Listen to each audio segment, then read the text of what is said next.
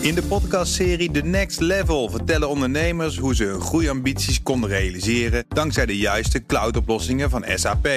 Wat waren de uitdagingen, de oplossingen en hoe ging de uiteindelijke implementatie? Benieuwd naar hun verhalen en hoe zij met behulp van SAP ook hun toekomstige ambities kunnen behalen? Luister de podcast The Next Level via de BNR-app of je favoriete podcast-app. Dit is een podcast van BNR Nieuwsradio. Nou. Ben, heb jij in het uh, schaatsstadion wel eens zo'n applaus? Nee, nee, niet zo direct. Je wordt helemaal emotioneel als je in de schaats zijn, al die mensen. Tranen springen in de Ja, ogen. precies. Ja. Welkom Eh, bij de Technoloog. Wat is het 100. nummer? eh, van, nummer 100. Ja, nummer Je 100. houdt het bij, het zal wel. Ja. Eh, we moeten eerst, we zijn bij eh, de Freedom Lab Campus. Daar zitten we met z'n allen hier live. En eh, ja, ik vind het toch spannend. Ik had niet verwacht dat ik het zo spannend zou vinden. In de rust nemen we altijd dat op. Ik juist ook omdat... een eh, kloppend hartje. Jeetje, maar goed. Ja. Ehm, verder een mededeling. Natuurlijk Microsoft, dat moeten we noemen. Ja. moet niet, dat mogen we noemen. Microsoft Betaalde Dynamics, betaald mededeling. Eh, ga maar naar, naar aka.ms slash testdynamics. Daar, ik, eh, nou, dan kunnen jullie het proberen, Microsoft Dynamics. En dat is het belangrijkste wat ik tot nu toe daarover te vertellen heb. Oké. Nou, ehm, wat wij eh, in ieder geval kunnen vertellen van onszelf uit... dat is dat we ter gelegenheid van deze honderdste technoloog zijn gaan twitteren. Ja. ja zelfs ons heeft Twitter nu bereikt. Ja, nee. Maar ik moet het wel uit. nee, nee, ik, ik wil toch iets uitleggen. Kijk, als ik om mijn perso- ik, ik lees best wel veel en ik luister heel veel podcasts. En ik vind het altijd heel. misschien zie ik dat helemaal verkeerd. Ben ik ook heel benieuwd hoe jullie daarover nadenken. Maar dat vind ik altijd een beetje raar om dan vanuit mijn persoonlijk. Ik lees dit, ik lees dit. Word je toch helemaal gek van? Dan moet je commentaar geven. Daar heb ik vaak geen zin in, want ik lees het gewoon. Dat vind ik dan leuk. Maar suggesties van het publiek, Ben. Hebben ze, eh, sorry? Suggesties voor onderwerpen. Ja, nee, ja, precies, Oh, dat juist, is mooi. ja. Nee, maar ik Dan wil dat. Twitter vind, naar mij, nee, dus ik ga nu dus ook gewoon artikelen die ik allemaal lees en die ik allemaal ga ik ook gewoon. Flikker je allemaal op Twitter. Nou ja, weet je, er zijn mensen die denken, hé, hey, dat leest hij dus dat en suggesties enzovoort. Dus we gaan dat doen. Ja, Maar dat was ook mijn ding, En, ook op een kwijt. aanmerking als we iets verkeerd doen, Maar dat fouten maken. Ja. En wat was jouw, eh, dus jij voornamelijk suggesties van het publiek. Dat vind je, ja, dat was ja, jouw. dat, precies. Oh, En, kritiek op een aanmerking, de hele, ja, Al die dingen die je bij Twitter... Eh, de technoloog is de. At de technoloog. Ja. Precies. Dus dat. Ehm, Ik zit nu hoe we deze aflevering... eh, ja, er staat we hebben al we een stuk hebben. of tien volgers volgens mij. ik maar heb wel- sinds eh, vandaag. Hè? Ja. Maar ik heb hele Ja, slechte stemmen. foto's toegevoegd. Eén, een, een, een, een, iemand die een baan veegt in het noorden van Noorwegen. Ik moet het nog veranderen. En een heel mooi kunstwerk van het, het Scheepvaartmuseum. Doet er niet toe, dat veranderen we nog. Ja, wat gaan we doen nu? Ja. Ehm, we hebben drie gasten. Ik ga ze even voorstellen. Van eh, links naar rechts voor jullie het publiek. Tijmen Blankenvoort, expert op het gebied van kunstmatige intelligentie. Hij werkt voor Qualcomm. Ja!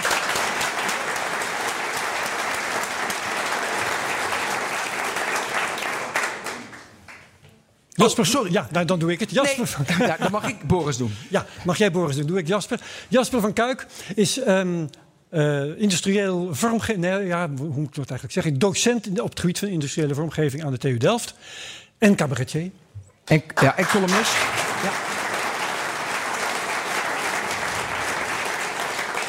En ik mag Boris Veldhuis Verzanten aankondigen. Hij is natuurlijk oprichter van de Next Web. En eh, voor mij echt een van de nou, tech-kenners, goeroes in Nederland. Ik ben onwijs blij dat je er bent. Ik heb nog. Ja, inderdaad. Goed. En, eh, de eerste keer dat ik Boris in een studio had, was ik denk 20 jaar geleden, hè, Boris? Misschien wel langer. Ja. Radio Online. Ik zie je nog komen op je slippers. Op slippers.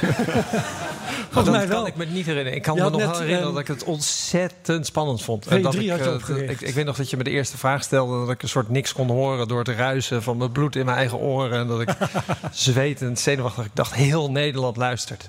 Dat was niet zo. Dat was niet dat zo, was nee. niet zo.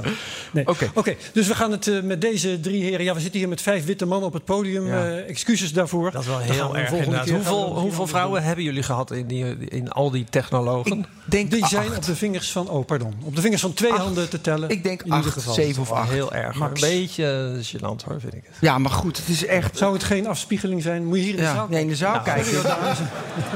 Ja, denk Dat ook verandert acht. misschien wel als je ook vrouwen in je uitzending gaat hebben. hè? Dat zou misschien kunnen. Ja, dat Ja, is- ja, ja, dan ja. krijg je de vraag: moeten wij de wereld veranderen of moeten we hem beschrijven? Maar dat is, Zeker. ja, oké. Dat moet iedereen toch? Ja, Streven ehm, naar een betere wereld. De procedure vandaag is dat wij gaan praten over ehm, Uh, design en gebruiksvriendelijkheid. Ja. Daarbij is Jasper de hoofdfiguur, maar iedereen bemoeit zich overal mee vandaag, althans hier op het podium. Uh, dat doen we eerst 20 minuten lang en daarna gaat de microfoon de zaal in. Daarna gaan we het hebben over kunstmatige intelligentie met Tijmen. En tenslotte over de big tech, de vijf grote technologiebedrijven en hun macht, met Boris. Ja, top. Zullen we beginnen? Laten we beginnen. Graag. Um, Jasper, ik heb het idee dat, dat design steeds belangrijk is geworden. Vroeger maakte je iets joh, en het zou allemaal wel. Maar nu is design in de 21ste eeuw is dat essentieel. Klopt deze waarneming of slaat dit echt nergens op? Uh, ik denk dat design altijd al belangrijk is geweest. Alleen dat, dat er nu steeds meer een, een, term als design thinking zie je nu in heel veel bedrijven. Doen mensen een cursus design thinking. En het wordt op steeds meer plekken geïmplementeerd. Ik bedoel dat, dat ING uh, in zijn totaliteit over is geschakeld op agile en echt teams zelf handelingsbekwaam maakt. En dat, dat zijn dingen die, die wel heel recent zijn. Uh, wat je wel ook ziet is door de toegenomen complexiteit van, uh, van diensten, services, maar ook overheden, moet er veel meer ontworpen worden om het eenvoudig te houden. Waar zat die ommekeer, toen het complexer werd, toen het, dus, dus toen de digitalisering kwam, waar zat die ommekeer? Microelektronica.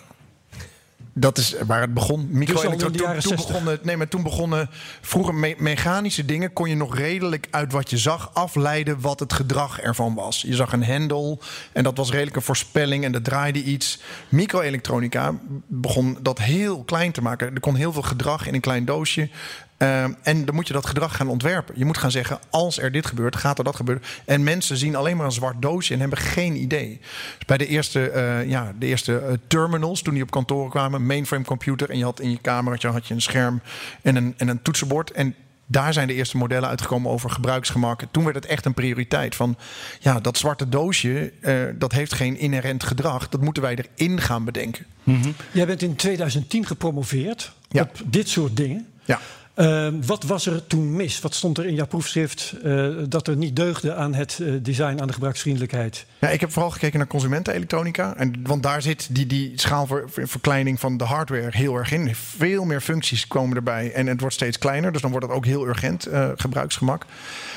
En mijn vraag was eigenlijk: als er zoveel theorie is over hoe je gebruiksvriendelijk moet ontwerpen, waarom lukt het dan niet? Dus ik ben uh, productontwikkelingsteams gaan interviewen. Maar niet alleen de mensen die over gebruiksgemak willen zeggen, maar ook de marketeers, de product managers. En dat is Hongkong, Singapore, Zweden, Duitsland. En gewoon die hele teams bevragen. Wanneer lukt het wel en niet om gebruiksvriendelijke uh, consumentenelektronica te maken? En dan krijg je hele geinige dingen. Vertel. Um, nou, de fout nummer één, dat zijn letterlijk iedereen zei. Uh, ik zei, wat moet je niet doen als je een gebruiksvriendelijk product wil maken? Dan zeiden ze te veel functies erin stoppen. Want hoe meer functies in een product, hoe moeilijker het is voor een consument om de juiste ja. functie te vinden. En hoe moeilijker het is om dat in een beperkte tijd goed te implementeren. Dus een smartphone, dat doen we niet. Nou, een smartphone is wel echt een, een heel grappig idee. Ik denk dat de iPhone uh, de eerste smartphone was die niet, niet zozeer op het aantal functies dat die aanbood uh, excelleerde, maar door dat simpel aan te bieden daar zat de kracht in. Dus ik wil niet, ik wil niet zeggen dat je eh, eenvoudig, want ik, hier is wat op af te dingen dat je zo min mogelijk functies moet. Maar er, zit een gevaar in. In elke toename van functies, feature bloat wordt het ook wel genoemd. Ja. Um, dat, dat is gewoon heel link. Want je moet ook, je hebt maar beperkte tijd als productontwikkelingsteam. En als je dan meer functies gaat doen, je moet dat goed doen of je moet het niet doen. Dat Was dat een van jouw aanbevelingen destijds? Uh, hou het simpel? Uh, uh, nee. Ook? Nee, wat, nee maar dat is, dan prijs je jezelf ook uit de markt. Weet je. Je, moet niet, je moet alleen daar, dat is een gevaar. Dus je moet elke functie die je toevoegt, moet raak zijn. Dat was eigenlijk. Maar, maar wat vaak wordt gezegd, ja, ik heb één iemand die wil die functie en nog één iemand die, dan doen we het er ook bij. Niet doen. Ja, dat je, wel. Uh, met apps zie je vaak dat een nieuwe functie dan. Uh, dan begint Messenger zeg maar in de Facebook-app en daarna doen ze hem ja. los zijn er bepaalde wetten wanneer je het los doet en wanneer je het niet? Ik heb zelf het idee dat bij Facebook Messenger dat vooral ging om de gebruiksvoorwaarden die veel lomper zijn bij Messenger volgens mij dan bij de Facebook app. Okay. Uh, dus daar kon ze gewoon uh, veel meer van je meten. Oké, okay, dus dat is ja, dus, ja, dat, dus dat is een criterium. de voornaamste overweging bij Facebook. Maar wanneer bijvoorbeeld, uh, bijvoorbeeld WeChat alles bij elkaar, gebruiksvriendelijkheid is natuurlijk Chinees. Ik zie, ik kan het niet helemaal volgen, maar ik, veel. Ja. De, is, nou ja, in, in China kunnen ze volgens mij ook daar beter tegen dan in Nederland. Kun je, kun je iets aangeven wanneer je het wel apart zet en wanneer niet? Nee, ik denk dat het is gewoon niet, dat niet is standaard. Ik, ik, denk wel dat je gebruikswaarde, dus je kunt dat zien als een, als een x en een y-as. Langs de x-as zetten we het aantal functies, dus dan steeds meer erbij. En de y-as is, is gebruiksgemak. En hoe hoger dat oppervlak is daaronder, onder die, dat is de waarde van gebruik. Dus als je een functie toevoegt, moet het ook heel gebruiksvriendelijk. Dan heeft het waarde. Als je een functie toevoegt en die is niet te vinden en niet gebruiksvriendelijk, mhm. dan heeft het minder waarde voor gebruikers. Maar WeChat, ja, de waarde van dat platform is natuurlijk de integratie. Dat is heel vaak, dat is ook het fijne van zo'n, van zo'n smartphone. Je hebt je camera, je Rolodex, je, uh, je gewoon alles in één apparaat. Dus je hebt het altijd bij. Ik noem dat het backpackersprobleem. Als je drie maanden gaat backpacken, dan, dan wil je eigenlijk kleren voor alle weerstypen bij je. Want je weet niet wat het gaat worden, maar je wil ook een zo klein mogelijke rugzak. Dat is het. En dat is een smartphone, mhm. is eigenlijk al die kleren in een hele kleine rugzak. Dat, is, dat heeft ook heel veel waarde. Ben, vind je het goed als ik... Ja, ja ik, ik, ben niet de expert, maar ik heb wel theorie. Want volgens mij mag een, een tool best heel complex zijn. Zolang die complexiteit zich maar pas toont als je hem zoekt.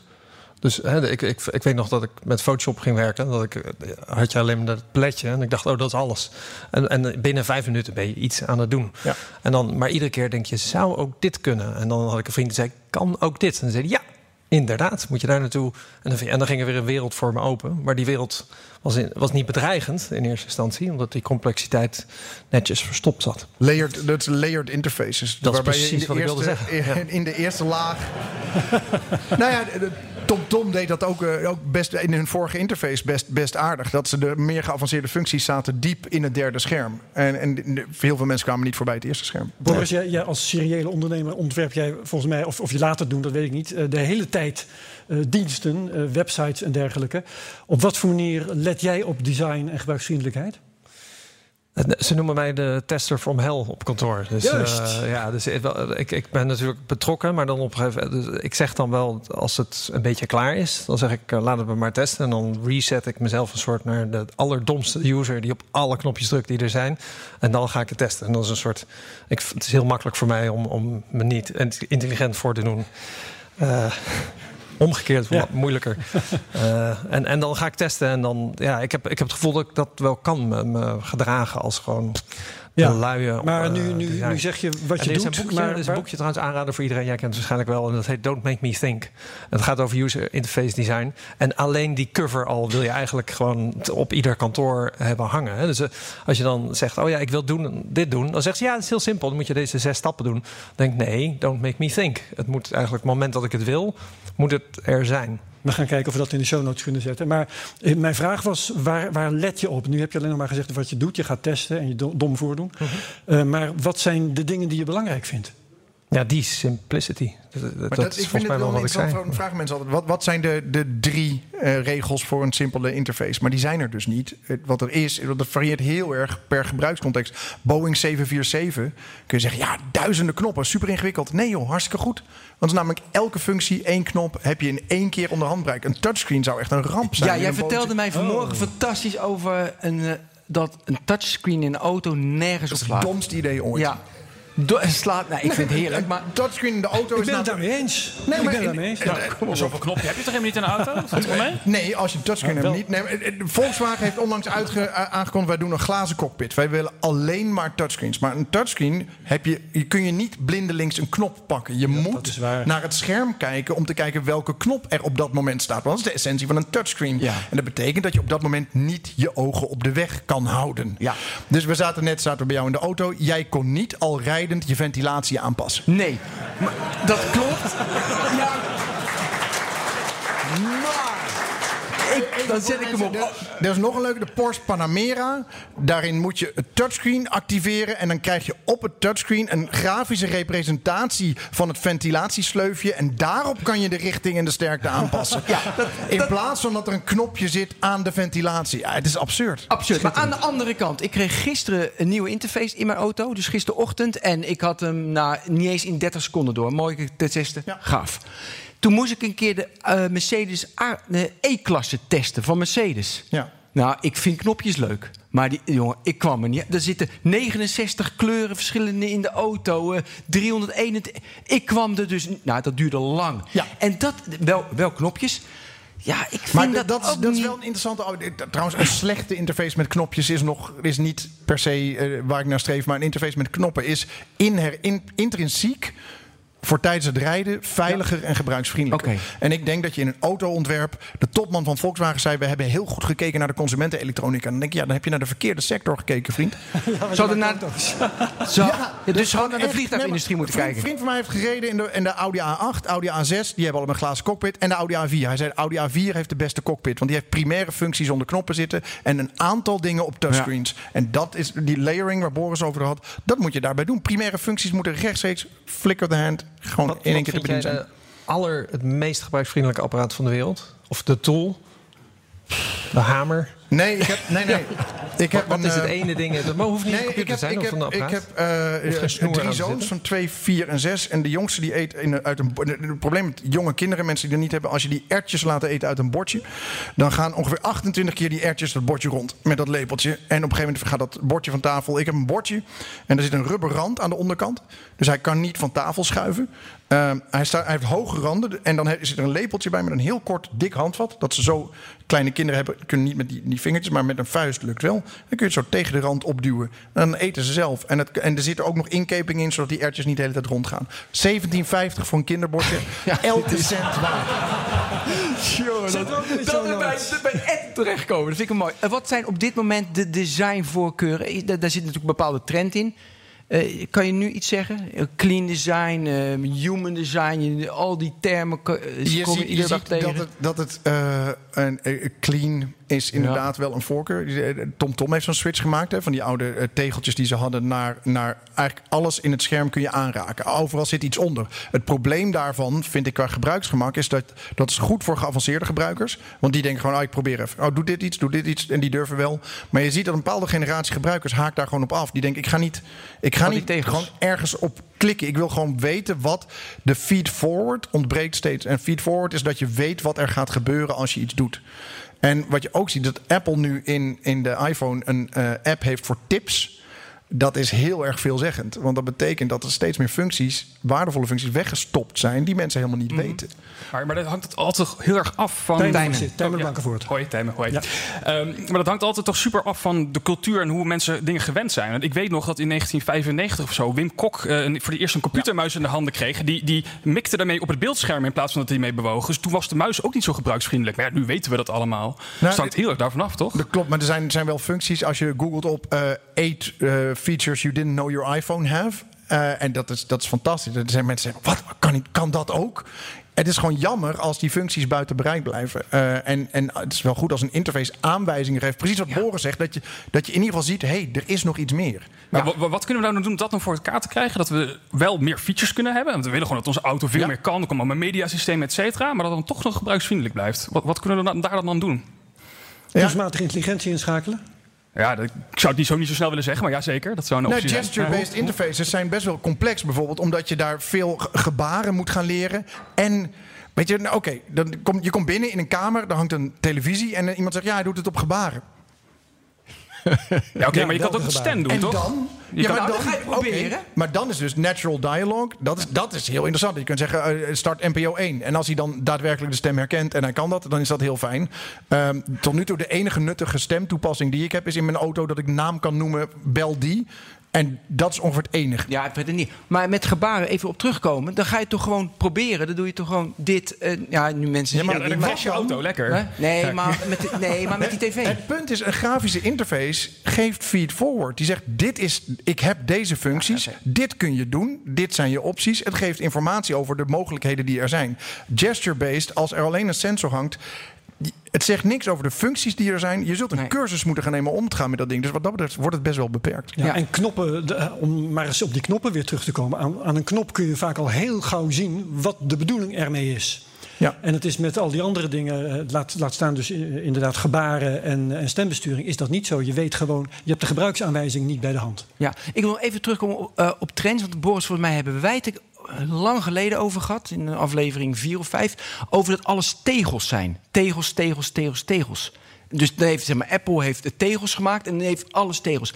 Dat gaat de gaat dat eruit? Dat weet ik niet precies. Kunnen jullie daar... ik zie dit soort, dit soort visuele trends vind ik altijd heel erg interessant. Toen, toen de, uh, het scrollwheel in de iPod kwam, toen had, moest ineens iedereen een scrollwheel. En toen waren er douchecabines met een scrollwheel. En dat je, was gewoon iemand, ja, maar dat scrollwheel was super hip.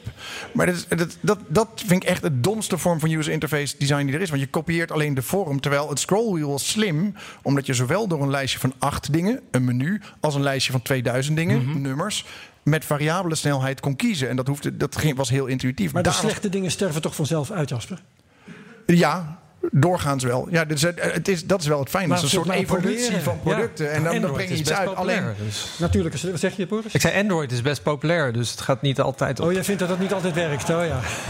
maar vind je, vind je Android, eh, vind je Android een, slechte, slechtere interface dan, uh, dan, dan Apple, dan iOS? Ja, Android heeft geen interface, want er zijn honderdduizend nee, verschillende interfaces. Ja. Maar ik vind, die, ik, ik, moet, ik vind die notch ontzettend grappig. Dus dat er nu, hè, dat de iPhone die kwam dan met de notch. Van ja, dat kan niet anders, want er zit alles in. En dan komen er Android-telefoons die hebben dan ook een notch. Ja. Het is net zoiets als, als dat ik met een, gevecht, met een, uh, met een limp ga lopen. Hè? Zo, zo van, van ik ben een gangster, ik loop met een limp, terwijl ik niet een, een het, het, het, kopiëren van features, blindelings kopiëren van interface features of design features van andere dingen. Dat, dat, voor mij moeten design features altijd voortkomen uit de eigenschappen van het product. Het moet je moet dit zo moeten doen omdat het product dat vraagt. Ik snap ook niet de drang van, van Apple om een home-knop te verwijderen. Ik, ik, ja, ik ben er nog niet razend enthousiast over. Maar oh, wel. Mag, over. mag ik een ander onderwerp nog aan? Ja, eigenlijk niet, want we gaan naar het publiek. Ah, even één vraag en dan kunnen we aansluiten met het publiek. Oké, ik wil ook met design en nutje. Dus uh, je designt het zo goed dat je mensen nudge in een bepaalde richting. En dat is heel erg positief. Maar vaak gaat het. En de AI komt dan natuurlijk uh, komt dan ook aan bod. Ja. Hoe kijk je daarnaar? Uh, is dat juist slim? En wat, ik leuk vind is, wat ik leuk vind is dat er vaak meer opwinding is over nudgen vanuit de overheid dan vanuit commerciële bedrijven. Terwijl de overheid heeft tenminste nog een democratisch mandaat. Nee, ja, je stap een supermarkt in en, en, je wordt genudged. Ik bedoel, dat is één Stap grote... je binnen en je wordt dan genudged. Ja, maar tuurlijk. Uh, uh, ja, ik denk dat is gewoon een feit dat dat gebeurt. Dat in die kantine bij ons op de TU gebeurt het ook. Weet je. Daar staat de salade vooraan en er zit nog best wel iets goeds. Maar ook, er staan de goedkope boterhammen staan achteraan en de dure bolletjes staan vooraan. Ja, zo doen ze het ook.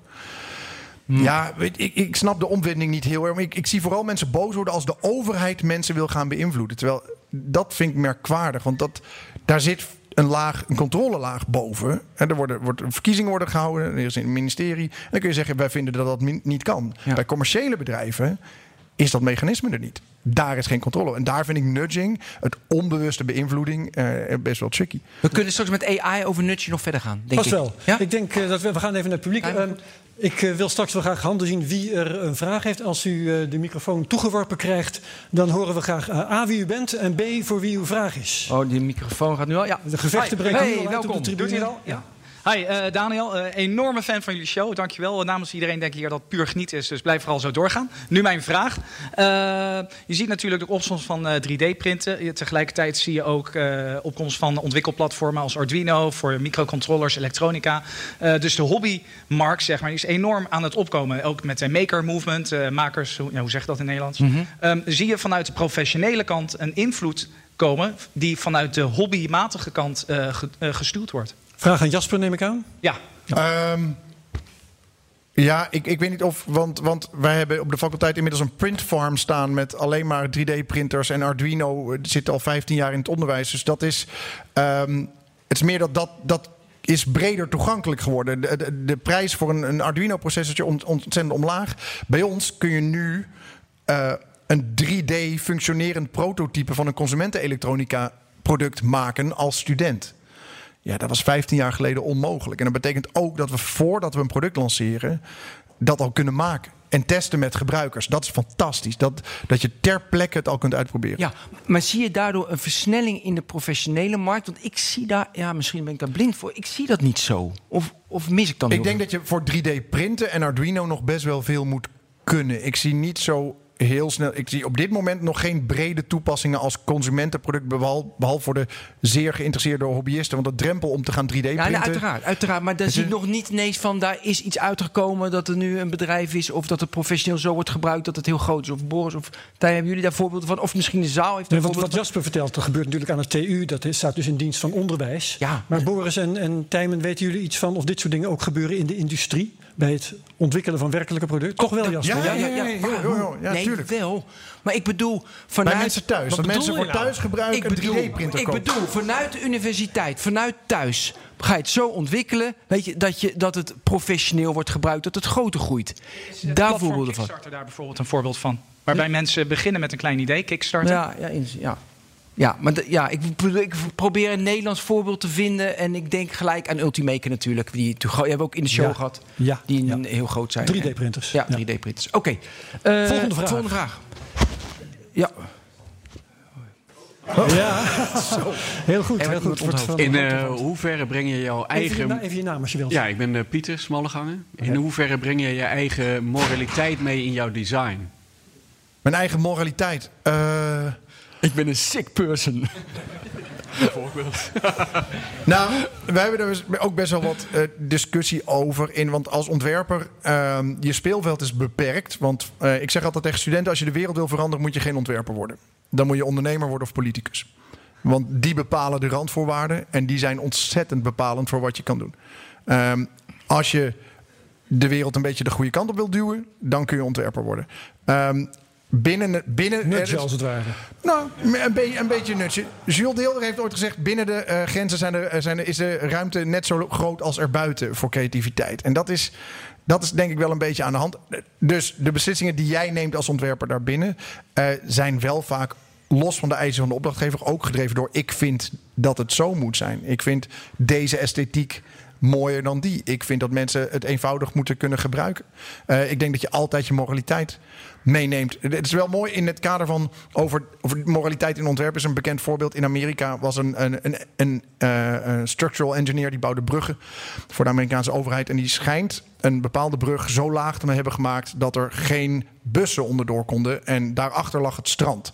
Wat erop neerkwam dat er geen Afro-Americans naar het strand konden. Want dat was eigenlijk de enige die de bus namen. Was dat opzet? Uh, nou, dat wordt nu in, in, in social design wordt dat soort dingen genoemd als designers moeten meer een morele stance nemen. En dan zeg ik altijd, ja, maar dat deed die man ook. Ja. ja. Die man wilde ook de wereld beter maken. Hij had alleen een ander soort visie van wat de wereld, uh, hoe die beter was. Um, en daarom kom je weer bij dat democratisch mandaat. Als jij, de, je, kijk, beter, en als je dat in gaat brengen als ontwerper, gaat vertellen hoe anderen iets moeten doen. Ik denk bij gebruiksgericht ontwerpen, en dat is mijn expertise, kijk je vooral heel goed hoe leven mensen nu. En hoe kan ik dat faciliteren? Wensen. En daar zijn ook gewoon morele grenzen aan. Maar vooral kijk naar waar hebben mensen behoefte aan. Ja, volgende vraag. Ja, naast je, uh, rechts. Aan deze kant. Hi, Richard van der Boogaard. Um, ik uh, heb thuis, uh, ik heb een Apple Watch en ik heb thuis ook Sonos. En ik vraag me af in hoeverre design en uh, artificial intelligence eigenlijk ook met elkaar goed kunnen samenwerken. In de zin van dat als ik onder de douche stap, dan geeft mijn Apple Watch in één keer aan dat ik het volgende nummer kan selecteren op, via Sonos. En het volume kan regelen en dat soort dingen. In hoeverre kan design, zeg maar, moet dat verrassen? Dat is eigenlijk mijn vraag. Is dat een vraag aan Tijmen? Ja, ik vind Tijmen hier wel... Uh, ja, het verrassende van ja. Ja, ik denk dat AI ongelooflijk een grote rol kan spelen hier. Want het probleem wat je op een gegeven moment hebt... Hè, je, wil, je wil 100 knopjes in je auto, maar je kan niet allemaal een knopje geven.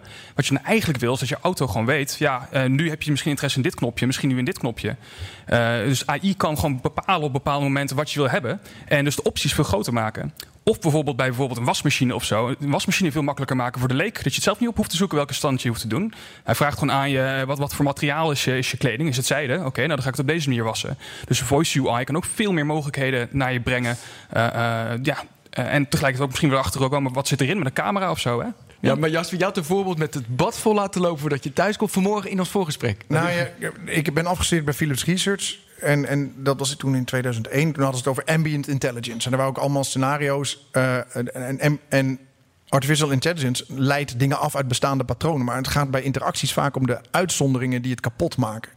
Um, en in dit soort gevallen is dit, dit goed voor, en het moet voorspelbaar zijn. Als iets gebruiksvriendelijk moet zijn, moet je weten wat het gaat doen. En als iets voor jou gaat denken, dan moet het dat wel verdomd goed. Dan moet je in 99,9% van de gevallen Ja. de juiste knopjes laten Wat zien. je vertelde, je laat verrassingen, je verrassingen en, en user interfaces zijn dat eigenlijk twee woorden die je zo ver mogelijk uit elkaar moet houden. Maar op, op hoeveel exotische manieren gebruiken wij onze wasmachines doorgaans? Dat gaat bijna altijd op dezelfde manier, toch? Bijvoorbeeld. De voorspelbaarheid. eh, Dus als, ja, als jij daar zijde in gooit en, eh, en hij weet het is zijde en ik hoef niks te doen, dat is prima. Maar dit ging over bijvoorbeeld, jij hebt altijd hetzelfde gebruikspatroon. Je komt dan thuis en als je gaat koken en daarna neem je een bad. En denkt hij, oh, ik doe weer een bad. En je doet die dag iets anders. Dan heb je voor niks een bad vol laten lopen. Dat is best wel jammer van de energie. Terwijl als je dat zelf kun je afvragen, is dat nou winst? Als je, hoe moeilijk is het om zelf de kraan open te draaien? Maar toch, dit komt tot mij toch meer over als growing pains dan dat het helemaal nooit gaat werken. Nee, nee, Dus hè, wat ik Philips eh, even als voorbeeld. eh, ik heb Philips Hue van die, van die dingen. Ja. Dan kun je geofence zijn, eh, aanzetten. Lampen. online ja, lampen die kleuren. Dus ik dacht, oh, geofence, dat is heel handig. En vervolgens liep ik het huis uit s'avonds. En toen zat mijn hele gezin opeens in het donker. Want ik liep, eh, en dan denk ik, oké, ja, dat, dan, dan denk ik niet, oh, dat is het failliet van de techniek. Dan denk ik, dat is gewoon niet over nagedacht. Maar Want dit, is een hele is, dit is nog geen artificial intelligence. En, en de vraag was, is het verrassing? Is het, als, als, verrassing is goed als het je goed ver- verrast. Ja. Als het een positieve verrassing is. Weet je, er zijn dus heel bij- veel bij- verrassingen te, bij, te eh, bedenken. Bij Apple eh, zeggen ze dus dat, dat zij zijn bezig met de switch van dat wij de hele tijd onze telefoons aan het vertellen zijn wat die moet doen, Ja. naar dat de telefoon dat gaat bedenken. Dus eh, straks in plaats van je telefoon open doen, zoeken naar je app, op start drukken, zegt eigenlijk je pakt je telefoon en dan zegt hij meteen, hey, volgens mij wil je dit gaan doen en dat doet hij dan ook. En een eerste voorbeeld wat ik daarvan zag was, hè, toen de iPhone net nieuw was, kon je Google Maps openen, kon je een pin achterlaten waar je je auto had geparkeerd. Nou, nu is het als je je auto parkeert en dan om- omdat hij stopt met bewegen en je had een Bluetooth connectie en dan loop je weg, dan denkt hij daar staat je auto. Ja.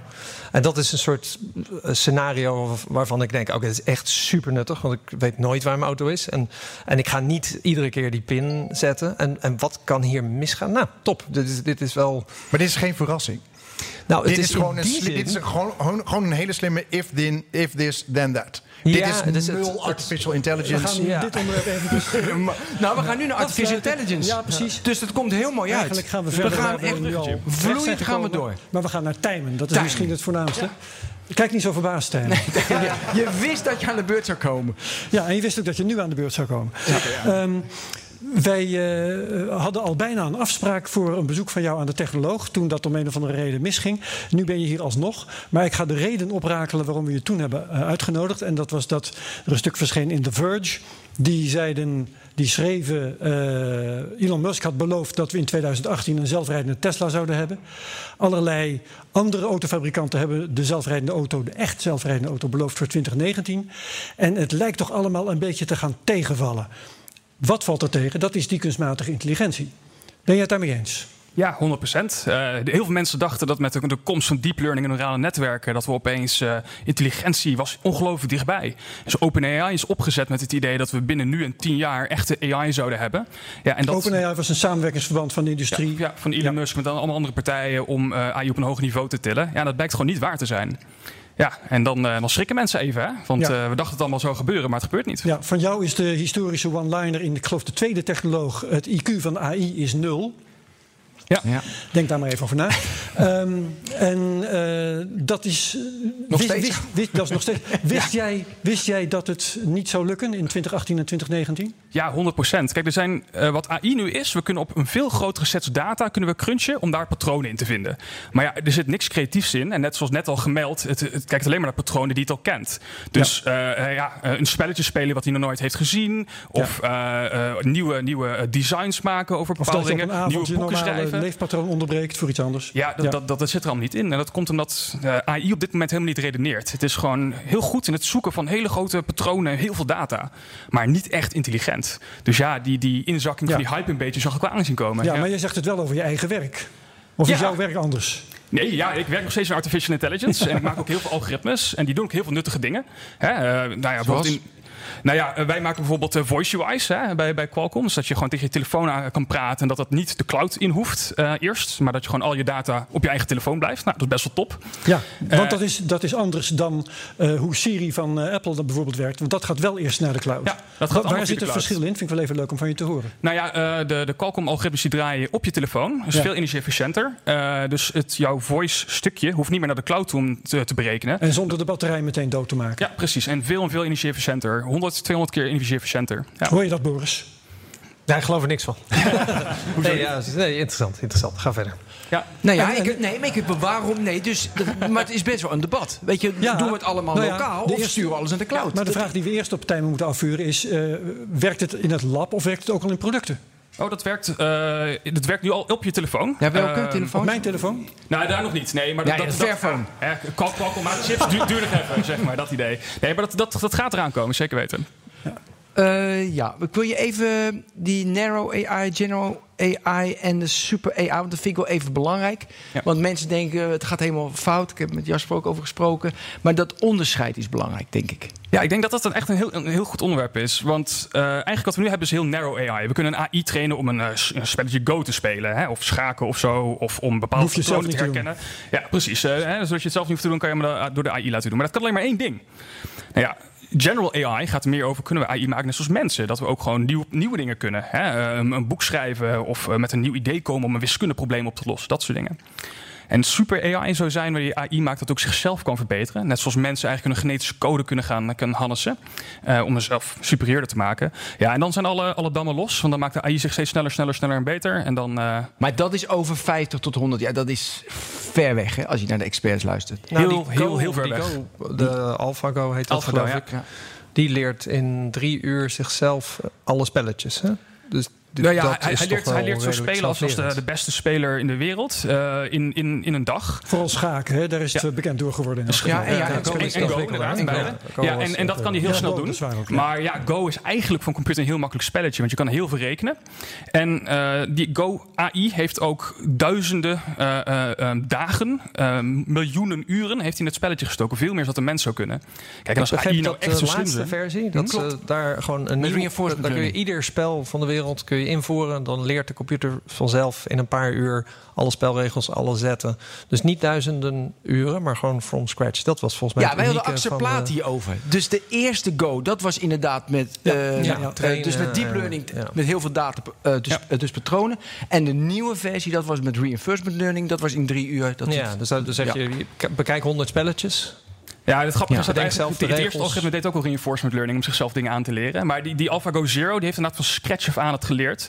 maar je ziet nog steeds veel meer spelletjes dat een persoon, een normaal mens zou moeten zien om dat spelletje te leren. Ja. Maar dan wil ik het even met jou hebben, Tijmen, over uh, wat meer controversiële toepassingen. Oh. Want ja, want uh, AI wordt gebruikt bij bijvoorbeeld selectie van personeel, bij ja. het bepalen van kansen op criminaliteit in bepaalde buurten en dergelijke, predictive policing.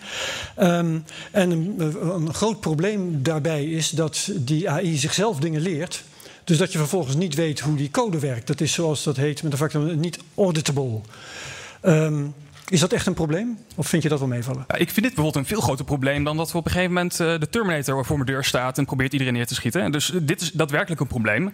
Want uh, ja, mensen maken data. Die data die gaat, er, gaat die AI van leren. En ja, die AI zou er nog eens een keer een foutje in kunnen maken. Ja, bijvoorbeeld een bepaalde bias kunnen hebben. Ja, dus, die data heeft er ook, is er ook bias data? Bijvoorbeeld met criminelen? Ja, zeker weten. Ja. Ja. Ja, bijvoorbeeld in Amerika heb je voorbeelden dat er mensen met een donkere huidskleur veel hogere straffen, straffen krijgen met een algoritme wat daar is ontwikkeld om te bepalen wat voor straf iemand moet krijgen. Ja, dat, dat, dat wil je natuurlijk niet hebben. En hoe kun je dat voorkomen? Nou, je, je kan het best wel voorkomen, omdat eigenlijk alles wat zo'n AI doet, zit in die dataset. Dus je hebt een hele grote dataset met uh, allemaal mensen die bepaalde straffen krijgen.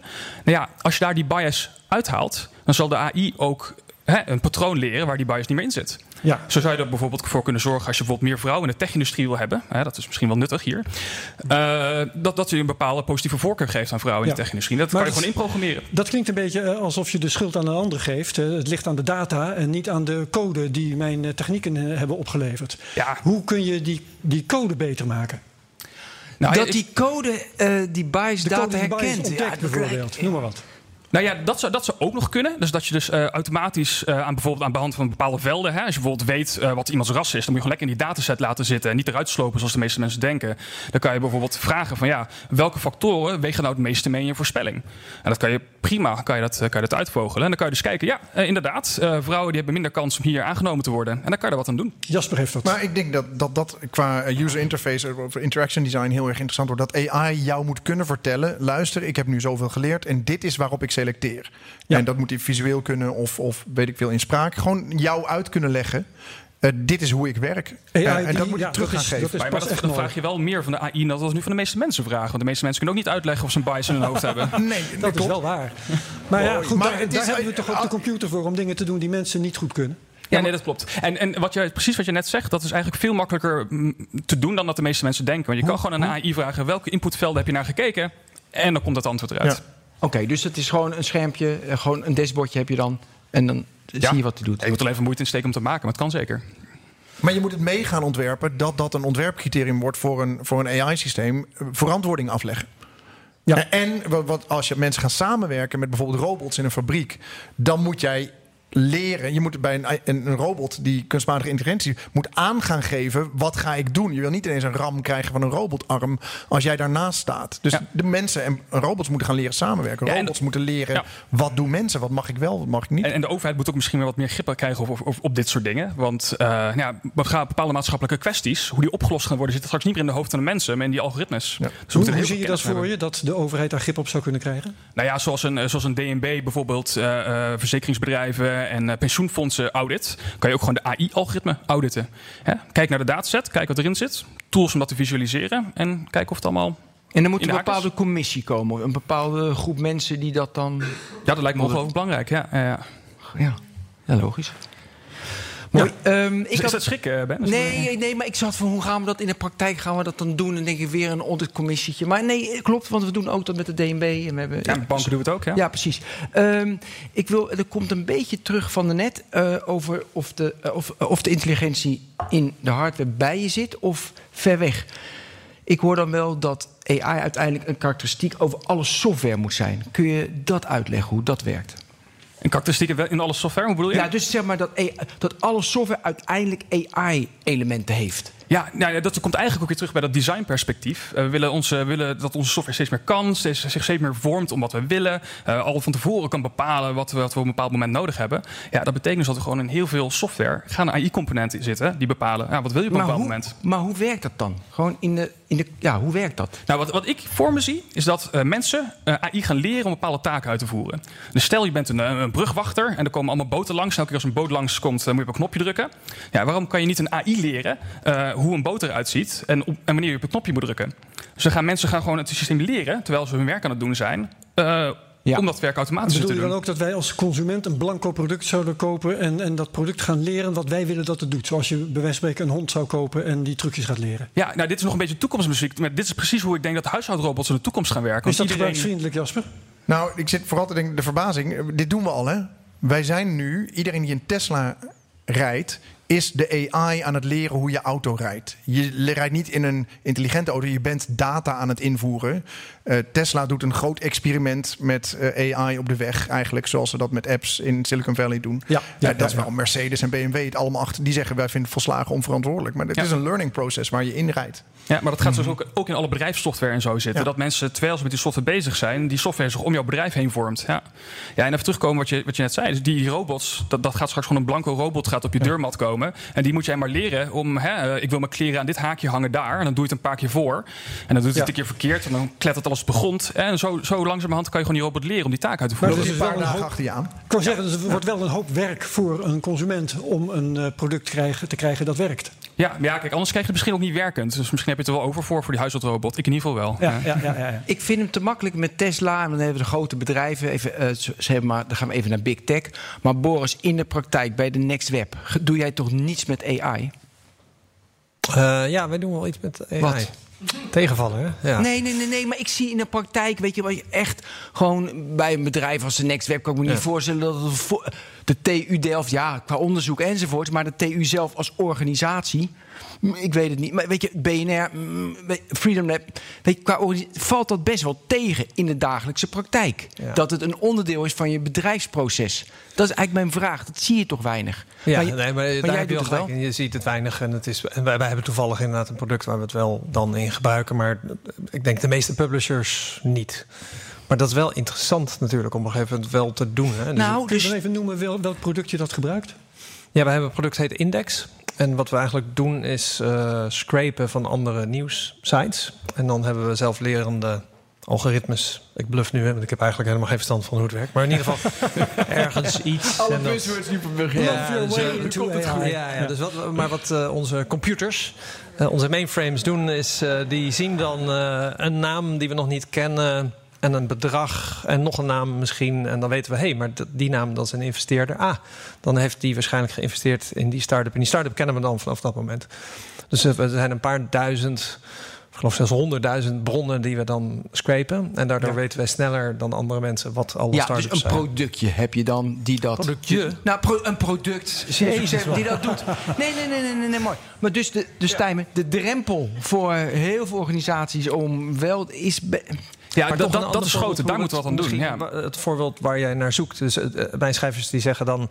Uh, ja, we zijn een post aan het bekijken van vijf jaar geleden... om te kijken welke dan het nou goed deden.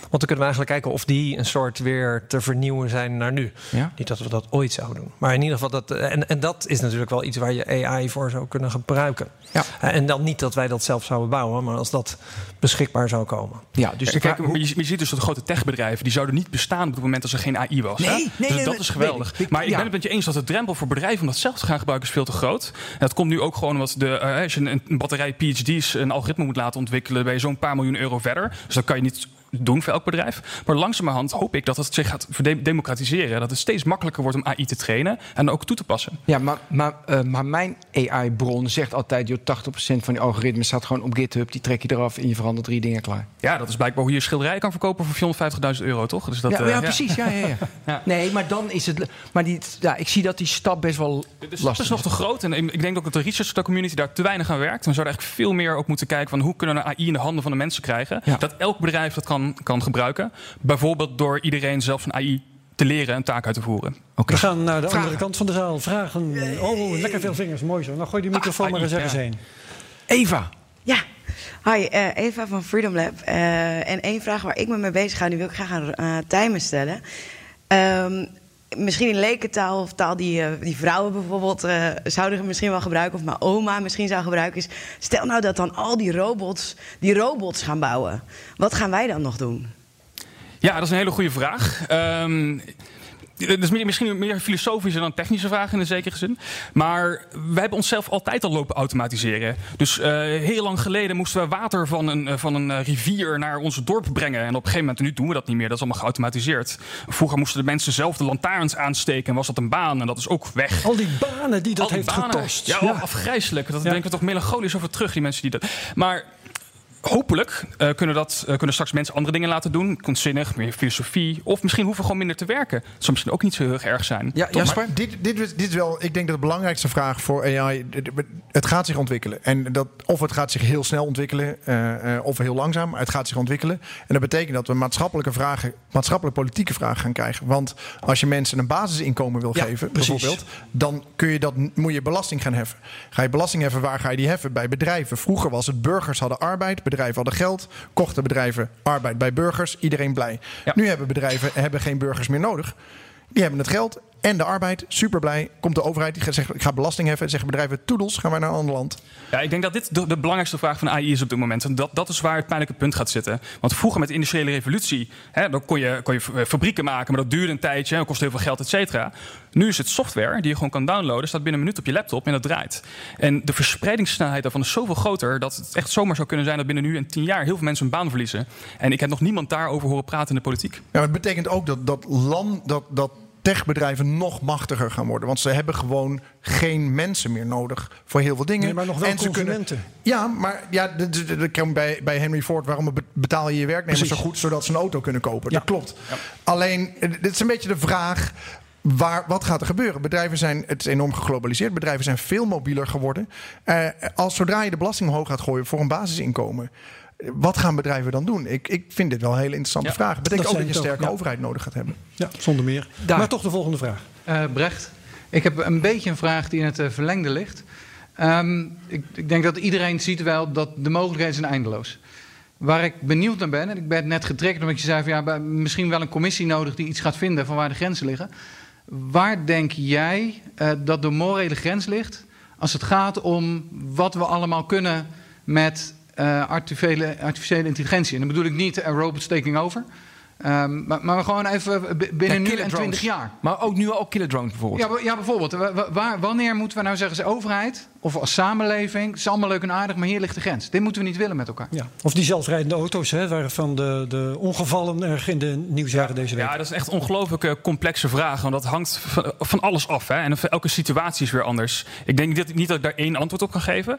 Maar ik denk dat we daar continu met de hele maatschappij in discussie over moeten gaan. Wat vinden we wel oké en wat vinden we niet oké? En dan is het ongelooflijk belangrijk dat alles open is. Alle algoritmes zijn open. We weten op wat voor data het wordt getraind. En we weten wat eruit komt. En alleen maar als je dat hebt, kunnen we er met, met een hele maatschappij naar kijken. Zeggen van ja, dat vinden we oké en niet. Maar je, je, je kan nu niet een uniek antwoord geven. Kijk, killer, killer drones is sensible. Dat gaan we niet doen. maar- ja. Dus Oh, ja. wat vind jij? Wat, wat vind jij, want ik begrijp dat het complex is... maar wat vind jij nou als het gaat, als jij kijkt naar de mogelijkheden... van nou, je kan inschatten wat er over 20, 10, 20 jaar mogelijk is... wanneer denk jij nou, binnen 20 jaar zitten we om een grens... en die grens ligt hier?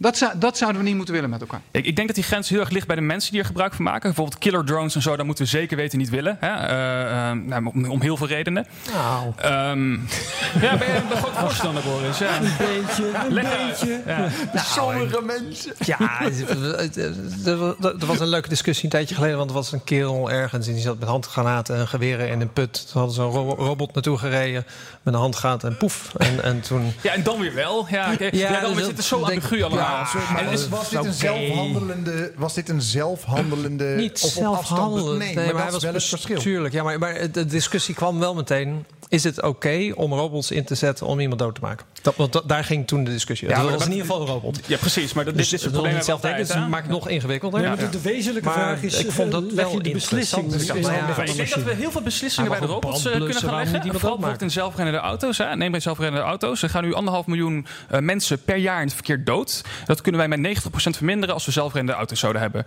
Nou ja, ik zeg doen. En dan die ene die hele moeilijke ethische vraag of rijden dan eh, vijf mensen aan of één. En wat nou eens een oud persoon is. Nou, dat neem ik op de koop toe als wij zoveel mensen kunnen laten Wat leven. sowieso echt een totaal irrelevante vraag is. Hè. Ik ben altijd verbaasd als die discussie opkomt. Ja, En het is een ik hele ook. simpele ja, analogie. Je hebt zelfvliegende vliegtuigen, autopilot. Heeft echt niet iemand gezegd... als je nou neerstort, doe je het dan op de stad of in een weiland? Nee, je probeert gewoon zo lang mogelijk te blijven vliegen. Ja. En die auto's gaan proberen zo lang mogelijk niet te botsen. Alsof je precies Dat zou weten Ja, wat de uitkomsten ja, maar- zijn van deze of die. Maar mensen denken inderdaad natuurlijk, je programmeert het uit. Dus je hebt precies die situatie uitgeprogrammeerd. Maar en ja, je weet wie je gaat aanrijden en hoe oud hij is en hoeveel die verdient Maar en ja, hoeveel kinderen wel, die heeft. ik vind wel een heel belangrijk verschil tussen een vliegtuig... dat weet iets over vlieghoogte en die weet hoe ver het is tot de grond. En dat is het, hè? Ja, Met, maar met AI, met ja, maar nee, maar, maar met sensoren weten we straks... ik zie daar een auto, ik zie zoveel mensen. Hij weet veel meer. En dat is het interessante. Kijk, bij een mens die een ongeluk veroorzaakt... doet dat uit onvermogen. En dat maakt het acceptabel. Een auto die een ongeluk veroorzaakt door artificiële intelligentie... dan is dat, heeft hij geleerd op een bepaalde manier. Dat, is, dat zit in een apparaat en dat accepteren we niet van de apparaat. Nou, een groot- deel- een groot deel van de punten. Een groot deel van, de probleempunten daar. eh, Het algoritme weet het ook niet. Die gaat ook gewoon rennen doen. Net zoals een persoon. En eigenlijk is het niet een ethisch probleem, maar het is een ethische opportunity. Want we, hebben staan, we kunnen Oh, opeens wauw. dat we die ingeprogrameerd. uitfilteren. Dat is Ja. op zich inderdaad een prettige Nee, als je dat zou willen en als je dat niet zou willen, doe je het niet. Kan ook. Ja. Ik vind dat past heel erg bij BNR. Hè. Geen problemen, maar kansen zien. Kansen, dat ja, zeker. Ja, ik Ja. zie een kans om naar het volgende Nee, onderwerp nog te even gaan. één vraag. Want Oh net, net iemand ja. krijgt de dingen... Eh, net Jas- als jou. Jasper hier. Ik heb eh, eigenlijk nog even een vraag over de timeline. Hoe lang zijn ze hier nou eigenlijk echt mee bezig? En er wordt net gezegd, superintelligence 50 jaar, 100 jaar. Ja, als ik dan 50 jaar, 100 jaar terugkijk, dan denk ik, nou, toen, toen, eh, toen stonden we nog met onze voet in de, in de modder. Duurt het echt zo lang? En wat zijn dan wat zijn nu de pijnpunten die, eh, zoals je dat in zou schatten? Ja. Hoe gaat dat lopen? Geweldige vraag. Want mijn tijd, tijdlijn gaat een stuk langzamer omdat ik in dat onderzoek zit. En eigenlijk is er maar één ding ontwikkeld. Die grote neurale netwerken die ervoor gezorgd hebben dat we nu opeens AI overal toe kunnen passen. Maar als ik heel eerlijk ben, de laatste vier, vijf jaar is er verder niks heel spectaculairs gebeurd. Het is alleen die ene technologie. En wat we nou nog missen is dat wij AI echt zelf concepten kan verzinnen. Op heel- op hele makkelijke manier met die concepten kan redeneren en die nieuwe opportunities. Van heel weinig data kan leren, net zoals een mens. Eh, verschillende taken tegelijkertijd doen. En de kennis die we hebben van één taak bij een andere taak kunnen gebruiken. En er zijn heel veel mensen die daaraan werken. En ook echt honderden miljoenen worden ingestoken door de grote techbedrijven. En eerlijk gezegd komt er heel weinig uit. Dus die tijdlijn, ik denk dat het echt nog wel 40, 50 jaar gaat duren voordat we er überhaupt over hoeven te hebben. Maar- Laat Ja. staan dat het al bestaat. Nou, Ja. Ik heb video's van de Boston Dynamics gezien. Die kennen jullie waarschijnlijk ook allemaal. Daar zitten robots in. Eh, die eh, ik in donker nu niet tegen zou willen komen. Dus, en dan vraag ik me echt af, zou het echt nog 50 jaar duren voordat, voordat dat echt een moordmachine is die, eh, die wij op pad sturen? Nou ja, een, een kind van, eh, van zes maanden kan al lopen. En die robots die kunnen dat net aan leren. En die flikkeren nog steeds heel vaak om. Dus ik weet niet precies waar je bang voor bent. Maar het duurt nog wel even. Nee, ze, ze hebben er nu net eentje die doet parcours. Hè. Die springt anderhalve meter hoog Ja, over kisten heen. achteren heb ik Dus- gezien, Dus, een dat doet mijn kind van anderhalf. Die heeft daar enige moeite Net mee. niet. Wij gaan naar het onderwerp Big Tech. Big Tech. Ja. Boris. Boris, begin ik? Ja, begin jij. Ja, ja, voor mij is het heel erg. eh, hoe lang blijven ze dominant, die big tech bedrijven? En eh, waar zie je scheuren ontstaan? Maar Want die ik dan een vraag scheuren. stellen die er eigenlijk voor, aan vooraf zou moeten gaan? Denk ik dan eigenlijk. Als jullie nou even samen besluiten Ja, welke we, vraag- ja, we zijn we beginnen. Ja, we Zullen, zullen we even naar... Hoe zijn ze zo groot geworden? Wat, wat, wat hebben de... Want we hebben de, vooral voor de grote vijf... en Microsoft, Facebook, Amazon, Google en Apple. Apple. Wat hebben ze gemeen dat ze allemaal zo groot zijn geworden? Nou, omdat het niet? fijn is voor de wereld als alles op één plank zit in eerste instantie, totdat het misgaat. Mhm. Maar één social network en niet zes is natuurlijk wel fijn. Maar het is een voortdurende Ja, dat is fijn voor de wereld om, groter, om, om inderdaad monopolisten te hebben, om zo te zeggen. Ja. Voor het, ook, het heeft Ja. ook wel nadelen. Maar waarom zijn het deze geworden? Wat is, er, wat, wat is er zo Waarom geweldig aan deze? Facebook, aan Google, aan Microsoft enzovoort? Nou, we kunnen ze even aflopen. Dus eh, kijk, Facebook was super interessant, want er was een periode dat Sneller groeide dan Facebook. Hè? Helemaal in het begin. Ja. En toen haalde Facebook, ik geloof, 50 miljoen op en Hives 4 miljoen. En toen zei de investeerder, focus nou maar gewoon op je eigen gebiedje. Want het is Op een- Hives. Op Hives, ja, maar op Nederland. En, en daarna ging Facebook sneller. En toen op een gegeven moment kwamen ze erachter van... ja, dit is, we kunnen deze concurrentie niet meer aan. Dus dat is misschien dan hè, een van de voorbeelden van Facebook. Maar ik, ik denk dat het ook gewoon inherent in het model is. Dat, je, dat iedereen het liefst op één plek rondhangt eh, met Ja. z'n allen. En de andere, ja, nou ja, Ja, hebben niet mag ik ook, maar- eh, dus zie je ze naar elkaar toegroeien of juist uit elkaar gaan? Ja, ja, hard uit elkaar. Het zijn precies, echt vijanden. hè. Dat is echt super Nee, maar wacht even. Qua, qua dienstenpakket hebben ze toch de neiging om naar, naar elkaar toe te groeien. Ja, maar als model niet. Microsoft wou een zoekmachine, Google wou een sociaal netwerk, Facebook Ja, ja, wou een messenger. dat ja, ik weet niet hoeveel mensen gebruiken hier Bing. Niet allemaal tegelijk. Eén. Ja. Eén. Oh. Ja. Oh, ja, We hebben één, ja. Dus, eh, en, en ook Google Plus dan. dat is nog een Nou, niemand enthousiaste Google Plus gebruiker. Wordt opgegeven. Nee, maar Boris, leg uit ja. waarom ze uit elkaar groeien volgens jou. Want volgens mij groeien ze ook uit elkaar. Dus ik wil dat graag Ja. even spiegelen. Ja, omdat je, ik denk dat ook zij merken dat ze goed zijn in één ding. Google is heel duidelijk waar ze goed in zijn en waar niet. En dat zie je ook in de producten en diensten die ze bieden. Uiteindelijk Mhm. is het nog steeds, wat is het, 93% van hun revenue is gewoon search. En wij praten vooral over die Over gave, die- innovatieve Ja. dingen daarnaast die ze altijd voor twee jaar proberen en dan weer killen. Dus dat, ja, de- ik denk dat- en Apple is dat denk ik ook. Hè. Die hadden ook een sociaal netwerk en dan merken ze toch ook van, ja, hm, Nou, ik zie meer van helemaal. Apple is echt product, product, product. Ja. Dan zie ik Google, Facebook, advertenties, advertenties, advertenties. Dan zie ik Microsoft alleen maar business, business, business. En dan zie ik Amazon eh, alleen maar, eh, dan is alleen maar AWS, AWS, AWS. Dus, weet je, En, dat- ze verkopen wat spulletjes. En ze Ja. verkopen spulletjes. Maar, nou, maar goed, maar weet je, dus ik zie daar... En ze doen in, daaromheen doen ze, proberen ze dat ook. Proberen, weet je. Google zit vol in op cloud. En natuurlijk, weet je, Azure gaat fantastisch bij Microsoft. Weet je, gaat echt heel goed in groeicijfers. Maar toch zie ik da- daarin... Ja, inderdaad, ze doen... Maar heel veel zeggen, het is bij elkaar. Want ze gaan alles doen. Maar dat is dus niet zo. Nee, dat geloof ik toch niet. En ik vind dat Google Plus, einde van Google Plus, van op een bepaalde manier, het is heel zielig natuurlijk. En ja, de, ik gun niemand een mislukking. Maar, maar ergens was het ook wel een soort bemoedigend, vond ik het. Omdat, omdat je, Serieus, omdat ik, iedere ondernemer, als je, als je met een investeerder praat, die zeggen dan van ja, maar als Google dat gaat doen, dan ben je, die hebben zoveel geld en macht, dan ben je zo weg. En dan merk je van nou, hoeveel geld en tijd en energie hebben zij ingestoken om dat Google Plus door onze strot te duwen. Ja, omdat de tegenstander Facebook was. Maar als de tegenstander een of andere start-up is, dan is die start-up toch echt toast. Ja, ik denk het dus niet. Want oh, Facebook was een stuk kleiner toen, toen, toen Google Plus begon. En Google zette het echt op de frontpage. Je kon niet om Google heen zonder een Google Plus account te nemen ongeveer. Dus er zat echt zoveel kracht achter dat, het, dat je als je dat van tevoren op had in moeten zetten, je van ja, oeh, dit wordt wel spannend. Want ja, Google. Denk je dan dat TomTom uh, nu die gaan inzetten op, op, op kaarten en, en, en, ja, voor zelfrijdende auto's? Uh, maakt ze een kans? Tegen, tegen, want dat hoor je veel. Tegen gaan Google Maps. Tegen, Google, nog niet tegen Google gaan ze nooit redden. Want... Ze hebben verloren, toch? Ze hebben toch al van heel veel autofabrikanten hebben ze verloren. Nee, maar dat gaat om de navigatie in, de, in de telefoons. Uh, ja. en, en inbouw uh, gaat nu komen. Overigens heb ik op een gegeven moment aan, Google, aan Renault gevraagd... ik bieden jullie ook een optie zonder Google, een Google straks. Want auto, ik, ja. Ja, nou ja, ik heb een, een, smart TV gekocht, bewust zonder Android. Want Google mag heel veel van me weten, maar niet per se alles. Weet je? Dus ik trek ergens een grens. Maar ik vraag me waar, waar TomTom op in gaat zetten, is uh, uh, hele gedetailleerde kaarten voor zelfrijdende auto's. Denk je dat kan dat, dat ze dan kans Tom, maak, maak je dan een kans tegen een gigant? Want ik heb ook altijd het gevoel dat als, als Google dat gaat doen, kun je misschien beter gewoon iets anders gaan doen. Want, ja, ja. ja dus ik ben, ik ben heel oud, hè? Maar, en, en ik, kan me, dus ik, ik, kan me nog heel goed herinneren dat Google nieuw was en dat. Um, dus ik zag voor het eerst die. dat was toen jij bij mij in de studio was. Uh, ja, we waren 14 of zo. Ja, ja. En, uh, dus ik zag die Google interface. En op dat moment was Yahoo, was ik denk 60 miljard waard. Werkten 6000 mensen. Hadden 80% van al het verkeer. Was gewoon zo groot. En dan hoorde je, ja, er zijn een paar studenten op Stanford. En die hebben ook een zoekmachine. Ja, precies. En dan, en dan keek je die pagina. Dat was lelijk. En, en dat je dacht van, nou, die hebben echt niks van begrepen. Want de toekomst is portals. Dus ja, het is waar. En het grappige is dat Google zelf geloofde er zelfs ook niet in. Hè? Want die hebben het, hun hele zoekmachine geprobeerd te verkopen aan Yahoo. Uh, voor een miljoen en een garantie, een baangarantie van vier jaar. Dat was hun, hun bod aan Yahoo. En die zei van nee joh, dat, dat hebben we echt, uh, laat me zitten. Dus ik, eh, ik, heb, ik heb juist wel heel veel respect voor.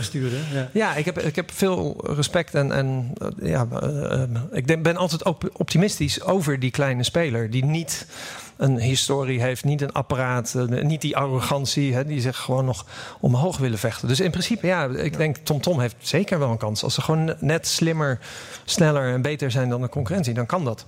En dat vond ik dat Google Plus verhaal wat eindigde daar dat eigenlijk ondersteunen. Hè? Dat je denkt, oh ja, inderdaad. Dus alle geld en macht van de wereld is niet garantie voor succes. Ja, mag ik even tussen aan Tijmen vragen? Want wij hadden iemand van Tom Tom in de uitzending. En die vertelde dat ze gewoon bij in, uh, in India zitten gewoon mensen verkeersborden. Uh, zitten gewoon, ja, het verkeersbord, verkeersbord, verkeersbord. Gewoon mensen. Ja. En dat doet dus omdat Facebook, Google, de grote partijen, de big tech, die hebben de manpower om dat te trainen. En daardoor maar zijn doen ze dat dus zelf verder. toch ook, heb ik me laten vertellen. Met al die, ik ben geen robot, uh, klik. Ja, uh, ik ben ook denken aan Yahoo. Want die, Klik op de nee, maar kijk, bij Yahoo zitten 6000 mensen alle sites in de wereld uh, in kaart te brengen. Ja. Ja. maar hoe kun je daar tegenop? Nou, Google kwam, kwam er tegenop met, met, iets slims. Ja, en dat is ook een deel van hun succes uiteindelijk geweest. Er zat gewoon een kritische massa in. Hoe, kan ik het hele internet indexeren, ja of nee? En op het moment dat je dat hebt gedaan en mensen komen naar je website... Ja, dan verlies je die race niet meer. Dat, dan heb je alles al. Ja. Maar die data en dat annoteren, dat is het grootste belangrijke punt daar. Hoe meer data je hebt uh, van dit soort dingen... Hoe, voor een kleine start-up is dat niet zo makkelijk. Nee, en dat kunnen die grote... Jij werkte bij een kleine start-up. Ja. En jij werkt nu bij een big tech bedrijf. Het is weliswaar geen Google of Facebook, maar het is Qualcomm. Nou, het scheelt niet zoveel qua revenue met Facebook. Nee, maar... dus daarom wou ik jou vragen, wat is het verschil? Nou ja, het, het, verschil is dat wij met uh, Cypher toen de tijd op een, een postzegeltje in Nederland bezig waren en AI-algoritmes aan het maken waren. En ik ben nu met software bezig. Uh, dat, ik, dat ik iets maak en dan komt straks een 20% van de telefoons ter wereld te zitten. Nou, dat is wel even een andere, andere balpark. Ja, dat is een kick voor jou. Maar, ja, geweldig. Ja, wat zijn verder de verschillen in de manier van werken bijvoorbeeld? Maakt dat uit? Nou, eigenlijk bij Qualcomm valt het heel erg mee. Dat is ook best wel van, van, van oudsher een hè, bedrijf wat, wat uh, de, de, de wireless heeft gemaakt. En het feit dat je nu kan bellen met een 3G, een 4G en straks een 5G. Dat was van oudsher altijd een heel erg start-up tech bedrijf. En eigenlijk net zoals de Facebooks en de Googles is dat altijd wel zo gebleven. Uh, Facebook is ook een heel erg van scratch af aan. Uh, komt met nieuwe ideeën, et cetera bedrijf. En dat is bij Qualcomm precies hetzelfde. Dus het verschilt niet zo heel veel. Mm -hmm. Ja, ik, ik hoef alleen minder marketing te doen. Minder marketing te doen. Ja, vroeger moest ik mijn bedrijf verkopen. Dus dat je naar de technoloog moet komen en dat soort dingen. Ja, ja, ja precies. Ja. Eh, b- eh, dus, dus mogen we al naar de scheuren die bij de Big Tech ontstaat? Ja, joh, Kan- ja, ja. de scheuren. Waar zie jij de scheuren ontstaan? Ja, overal. Het is super interessant dat een, een, een- dat ook dat gaat in golven, hè, zoals ik al zei. Eh, de, ehm, en ik, ik weet nog dat na de eerste internetbubbel ik nog steeds super enthousiast was. En dan zei ik op feestjes: eh, nee, nee, ik werk met internet. En dan zeiden mensen: ach, dat is toch voorbij. Weet je wel, de bubbel is gebarsten. Wa- Waarom ben je daar nog? En ik heb het gevoel dat we weer zo'n kant op gaan. Hè. Steeds meer mensen zeggen: ja, Facebook, nee, dat heb ik gewist. En ik wil niet dat Google alles van me weet. En Apple is ook een soort monopolie, is ook stom. En kinderarbeid. Alleen en Microsoft is allemaal weer leuk, hè? En Microsoft wordt weer leuk. Ja. Het is echt nooit saai in mijn cool, eh, werk. Ja. Microsoft, dat is een soort sexy start-up opeens. Dat Ja, is ook echt... de- de eh, strijden En hoe komt dat? Ongelooflijk. Ja, ze zijn toch? de underdog geworden. Hè. Dat is, ja. Hoewel ze nog super groot zijn natuurlijk. Maar ja, de, Maar de scheuren, ik wil de scheuren horen. Bijvoorbeeld bij Google. Waar zitten de scheuren bij Google? Ja, het is toch overal. Die zijn nu in China. Hun eigen werknemers zijn boos. Het is net bekend geworden dat ze managers die, die zich toe, had eh, vergrepen aan... eh, ja, inderdaad. Maar dus heel erg het morele aspect, het data-aspect, Ja, is- privacy-aspect. Dat, Ja, ik kon Dan me gaat nog herinneren dat, dat voor mijn gevoel iedere jongere dacht... oh, waarom ben ik niet Mark Zuckerberg? Ik denk dat dat is nu wel voorbij. Bij Facebook inderdaad hoef je alleen maar naar de beurskoers te kijken. Oh, dat doe ik niet. Maar Dat doe je ja, niet? is dat... Oh ja, eh, nou ja, ja, Ja, de market eh, cap is echt, 30, ja, 40 gedaald afgelopen maand. Maar ze hebben een half jaar geleden, volgens mij was het een eerste eh, jaar eh, of kwartaalrapportage, dat het eh, gebruik, de eh, duur van, in Amerika van gebruikers was gedaald. Ja. Eh, en dat is wel een omslagpunt. Ja, Ja, maar daar maar maar de, mensen- ze ook op hè, Ja, tegenwoordig. precies. Dus, Ze worden wel eh, blij, de mensen. hè? Om het omlaag te brengen. Ja, zeker. Want ze willen eigenlijk juist dat je meer kwaliteitstijd doorsp- doorspendeert op Facebook. Want ze zien ook wel Quality. Ja, quality, daar gaat het Ja. naartoe. Dat zou ik ook sterker zeggen nog, ik sterker nog, ze gebruiken reinforcement learning algoritme om juist daarvoor te optimizen. Dat je op de lange termijn langer op Facebook blijft. En niet alleen maar dat korte termijn game, omdat je er acht uur op hebt gezeten. Ja, ik hoor wel start-ups die zeggen... nee, nee, we hebben de helft van het personeel ontslagen... want we wilden efficiënter gaan werken. Dan denk ik, volgens mij is er geen start-up die succesvol is... die de helft van zijn personeel ontslaat. En ik heb dat bij Facebook ook een beetje het gevoel... dat ze dachten, shit, dat gebruik gaat achteruit. Weet toch- je wat? toch is het actieve we gaan policy. zeggen, dan, we gaan optimaliseren voor minder gebruik.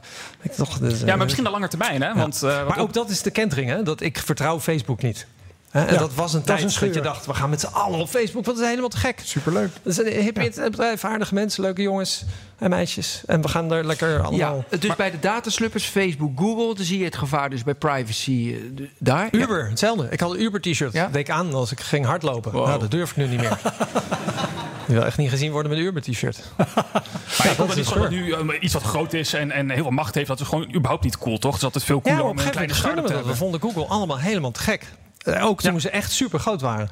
Maar dan komt er toch die, nou, de scheur, jij noemt dat de scheur. Er komt een scheur ergens in het vertrouwen. En dat is het begin van het einde. En dan hebben we de, de datasluppers gehad. Bij Apple, waar zie je een eventuele scheur. Ik zeg, Apple ja, grappig, zeg ik gelijk eventueel. kritiek. Ja, ik ben nog steeds wel enthousiast. Maar, maar het, eh, ik heb... Ze zijn ja, niet innovatief, heb, hoor eh, Ja, precies. Dat soort verhalen. Mensen zeggen, ja, dat is eh, inderdaad... Ze doen niks nieuws meer al jaren. Monopolistenneigingen. Precies, ja, Ja. Het is een groot bedrijf geworden, gerund door een accountant. En er is niks meer aan en alles is stom. En iedere bug is verschrikkelijk. Maar en cijfers, jongen, die, die slaan nergens op. Ja, maar goed, dat, dat, Goed ja, dus, dat was bij. Microsoft ook jaren. Steve Ja. Ballmer zei, wat zeur je nou? Het gaat hartstikke goed eh, en de, de omzet groeit. En op een gegeven moment loop je opeens ontzettend achter. En dan gaat het opeens ook heel rap naar beneden. En ben je opeens een hippe kleine start-up. Ja, maar vind jij, vind jij van Apple dat ze nog wel innovatief zijn? Want je, je, je noemt dat in jouw smalende lijst van iedereen eh, roept maar dat Apple niet meer deugt. Ja. Maar vind je ze nog wel innovatief? Ja, ja zeker. Ja, en het, het- het- zeg maar, als je naar de tijdslijnen kijkt, hè, zat ik geloof acht jaar tussen de iPod en de iPhone. En, en vier jaar tussen de iPhone en de iPad. Er zitten jaren tussen. Maar op een of andere manier hebben wij het idee dat ieder eh, kwartaal keynote moet er iets komen wat echt zo thing. spectaculair is dat we een heel nieuwe productcategorie uitvinden. Ja. Maar Apple zegt zelf ook, eh, de uitvinding van de smartphone is waarschijnlijk uniek. Daar gaan we waarschijnlijk Ja. 100 jaar niet meer meemaken. Dat er één apparaat is wat de hele wereld zelf moet hebben. En ook echt, eh, ja, Ja. Dat, dat, dat is er de afgelopen 100 jaar niet geweest. En dat waarschijnlijk ook de komende 100 jaar. Ja, niet. het timen aan jou. Ik hoorde Tim Cook zeggen: Ik heb al die data niet nodig om Siri fantastisch te maken. Klopt dat? Ik, ik begreep die niet namelijk. Nou, dat lijkt mij ook onzin. Nou, precies, Ja. dat zei hij in een talk. Want je, je, moet, je moet op dit moment, moet je bijvoorbeeld als jij verschillende uh, accenten hebt, hè, en je, als mensen kunnen praten met verschillende accenten, ja. om een AI te trainen, om dat goed aan te kunnen, heb je alle data van allemaal verschillende mensen nodig die alles op een verschillende manier uitspreken. Ja, Want anders gaat die straks iemand met een Indisch accent in het Engels kan die niet. Uh, ik begrijp dat, dat, is dat die data zo goed is. geanonimiseerd is. Hè? Dus dat Facebook die zegt, ik wil precies, en Google ook, wij moeten precies, zoveel mogelijk weten van iedereen. Mm -hmm. En dan kunnen we dingen doen. Zij zeggen, Kijk, patronen uh, slaan we wel op, maar dat, daarvoor hoeven wij, willen we niet weten wie jij bent. Ja. Dat maar eigenlijk, dit is ook een van de grote misvattingen op Facebook-gebied. Want Facebook wil eigenlijk jouw data ook niet hebben. Ze willen, want het geeft ze alleen maar problemen. Allemaal privacy-problemen in de cloud. Ze moeten allemaal dingen op een bepaalde manier opslaan. Dat is allemaal moeilijke vragen van mensen. toe komen. Ja, wat ze willen is dat ze gewoon jou een, iets kunnen laten zien wat jij wil. Ja. Hè? Gewoon een, een, eh, een, advertentie. Maar als die data op jouw telefoon zou staan of in een blokje ergens in de hoek van je kamer, vinden ze dat ook prima. Dus ze willen die data wel hebben om je advertenties te kunnen geven, maar ze hebben het liefst die data niet op hun eigen servers. Maar ja, je kan op dit moment niet anders. Maar je gaat wel zien in de komende 10, 15 jaar dat al die data steeds meer op jouw telefoon komt te staan of op een blokje in je kamer. En dat dat niet meer naar de cloud toe hoeft. En dat hebben zij veel, ook veel liever. Oké, dus dat, is, dat is eigenlijk wel goed nieuws dan voor ons als burgers, of niet? Want maar iPhone is al zo snel vol. Moet ik ook nog alles zelf gaan opslaan? Nou, de, jouw geheugen eh, neemt dat toe op jouw iPhone. Ik ben wel heel benieuwd wat het initiatief van Tim Berners-Lee gaat, uh, gaat worden. Die dus nu inzet op dat data weer... Ik vond het een mooie observatie die hij had. In, in China zijn de data van de overheid. In Amerika zijn ze uh, van, van de bedrijven. En in Europa willen we dat ze van de burger zijn. En hij is nu gekomen met een initiatief dat je zelf je data storage. En daar zouden dus apps op moeten gaan aan, uh, aanhangen. Dat jouw bijvoorbeeld jouw sportdata niet meer uh, bij, bij Runkeeper staan, maar, maar mm -hmm. daarin. Mhm. Nee, hij, wil het web, hij heeft het web uitgevonden, hij wil het nu heruitvinden. Hè? Daar komt het op neer. Uh, als er iemand een beetje credentials heeft om het een, weer een zetje te geven, dan is hij het misschien wel. Ja, wij hebben Bart Jacobs denk ik in 108 of zo zitten. En die heeft ook een appie voor gemaakt in Nederland. Voor identificatie in elk ja, geval. Precies. Ja, ja, ja. Vragen aan de zaal? Vragen aan de zaal? Nee, vragen van de zaal. Ik het voor de verrassing ook andersom Kijk. doen. Dat, uh, nee. Zeg het maar. Wie ben je en wat wil je weten? Ik ben Natasja Boek, ik ben leerkracht basisonderwijs. Ik zit de hele dag tussen de vrouwen en ik begeleid voor de nieuwste keer heel De slechte verstaan. Nee, hij doet het niet. De microfoon doet het niet. Wacht maar. Ja. Ik denk dat de batterij leeg nee, nee, is of nee, zo. want dan staat het niet op de opname. Oh, staat het niet aan? Ja. Nieuw of... Uh, Ja, helemaal.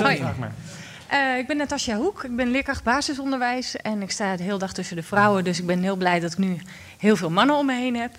Ehm, mijn vraag is eh, eigenlijk eentje, ik heb, nou, ik heb er twee, eentje van eh, eh, voor Tijmen omdat jij eh, had het over dat de, die AI gaat allemaal niet meer naar de cloud, maar op je eigen telefoon al eerder. Is dat vanwege de hack? Eh, het, eh, het hackgevaar of dat je dat, dat, je, hè, dat wat je net zei over die data, dat je die eigenlijk wilt dat die, die bij de consumenten thuis hoort, zodat ze die zelf niet op hoeven te slaan. Dus is het hack en is het, is het data, is dat éénzelfde ding of zijn er nog meer redenen? En ik heb ook een vraag voor Herbert, hoe het met zijn Fairphone zit.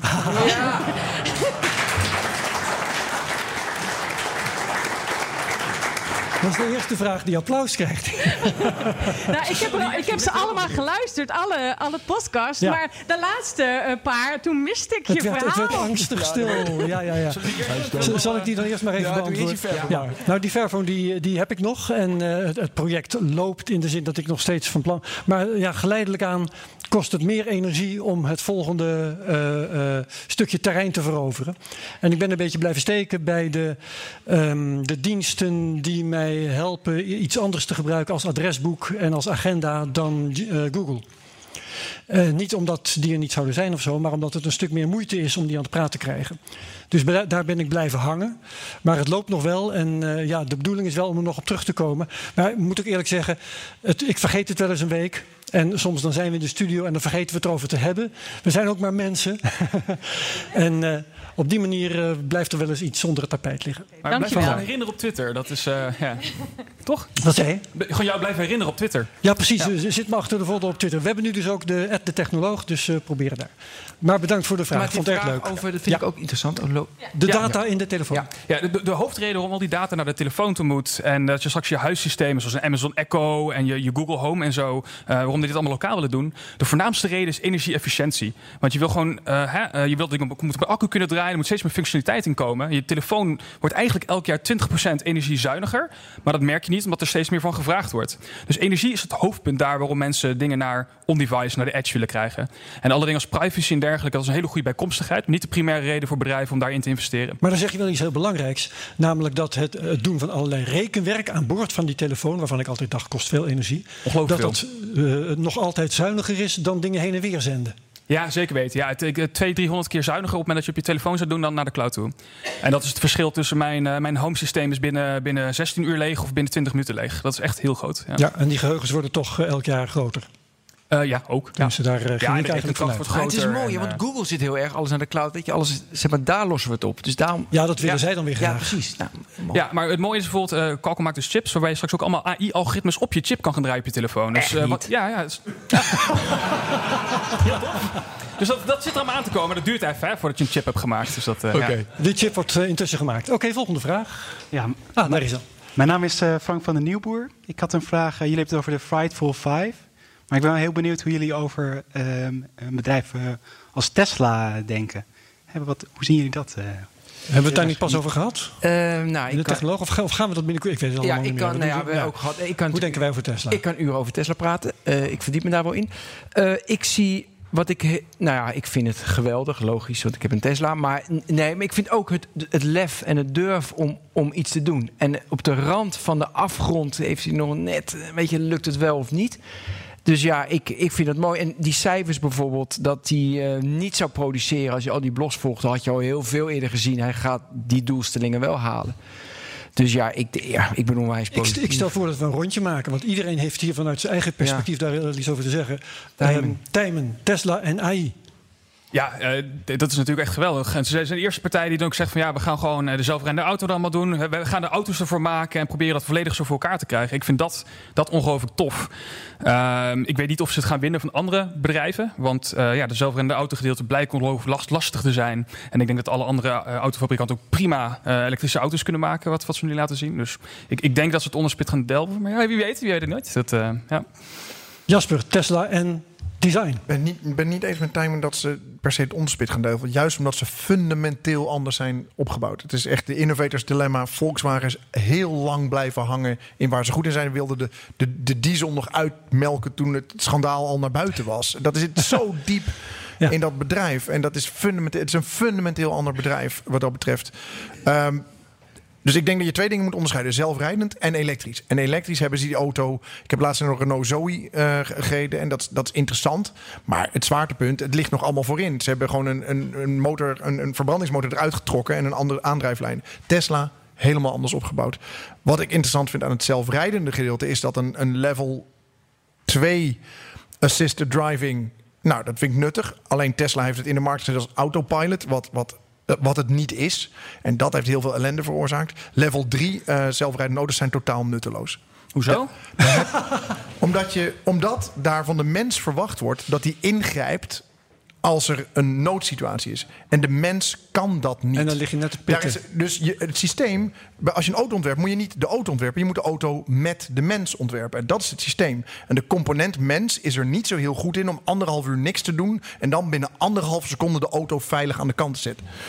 Dat okay, kan ja, dus, dus daarmee is level 3. Ford heeft ook al gezegd: level 3 is onverantwoord. Gaan we niet doen. Mensen appen nu al achter het stuur zonder en dat de auto zelfrijdend is. Wat gaan ze doen als. Gaan mensen serieus, denk jij? Anderhalf uur naar Maastricht? Ga je zitten kijken? Nee, lekker, uh, oh, nee, lekker YouTube kijken. Nee, mag niet. Okay. Je moet je ogen op de weg ja. houden en je handen op het stuur. En ja. voor de rest doet hij alles. Maar dat doe je nu toch ook? Nee, maar dan heeft het geen. Dus nou, mijn punt dan is. Heeft het dus dan geen heeft zin. het geen zin. Ja, klopt. Wat het interessant gaat maken is als we stukken wegen gaan afkaderen voor level 4. Dat we zeggen, uh, op deze wegen is certified level 4. Hier kunnen we het aan. Hebben we met elkaar afgesproken. En dan wordt interessant de overdracht. Want als jij na zes uur rijden naar Parijs aankomt en je slaapt, voor elke uh, uur slaap heb je ongeveer vijf minuten nodig om wakker te worden. Dus jij moet vooruit wakker vijf gemaakt minuten worden. van tevoren. Je, je auto. Dus nee, maar als je zes uur hebt gereden, ja. moet je dus een half uur van tevoren ongeveer wel wakker gemaakt worden. En dan moet die stoel moet rechtop gaan. De auto moet checken. Heb je je ogen wel op weg? Hij moet duidelijk gemaakt. Je krijgt de authority transition. We hebben daar een afstudeerder op gehad. Dat was fantastisch. Die heeft gewoon gekeken. Totale autoriteitsoverdracht in de auto. komen allemaal interactievragen naar. Oké, dat is even genoeg. Um, Boris um, is...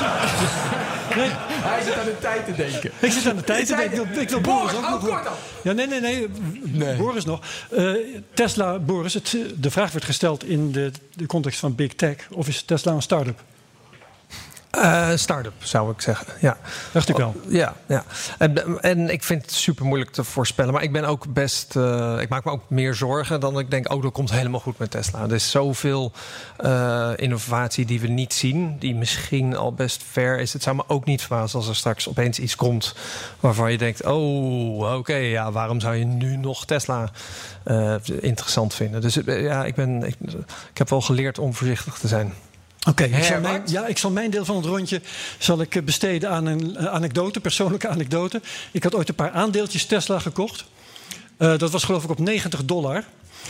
die begonnen vervolgens onmiddellijk te dalen. Toen dacht ik, jezus, verkeerde keus gemaakt. Toen heb ik geduld gehad en op een gegeven moment stonden ze op 100 eh, dollar of zo. Ik had 10% winst, heb ik ze snel verkocht. Waarom? Uh, behalve uh, vanwege die schrikervaring, ook omdat ik had gelezen dat die beurskoers van Tesla dat die, gelijkwaardig was aan dat ze evenveel winst zouden maken als General Motors. Even, evenveel auto's zouden verkopen als General Motors.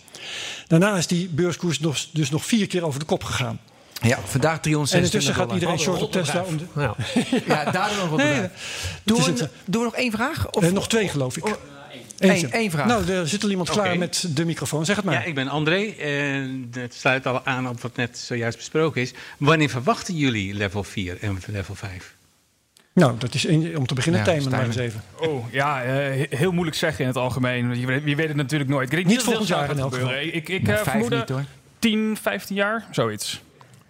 Maakt ook heel erg uit waar.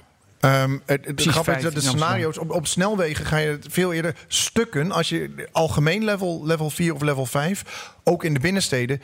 Ik denk dat je heel erg moet gaan nadenken over wanneer moeten we als, als land instappen in zelfrijdend. Want bijvoorbeeld uh, zelfrijdend zal eerder gebeuren tussen grote steden of tussen het platteland en de grote steden. Dat betekent dat je aan de rand van Amsterdam grote parkeerplaatsen met een metro erheen moet hebben, zodat je snel in het centrum bent. Dat je daar afgezet kan. Het, het stelt hele andere infrastructurele vragen. Dus van begin tot eind rijden is nog een ander verhaal dan op bepaalde stukken het kunnen. En we moeten ook onze infrastructuur gaan aanpassen.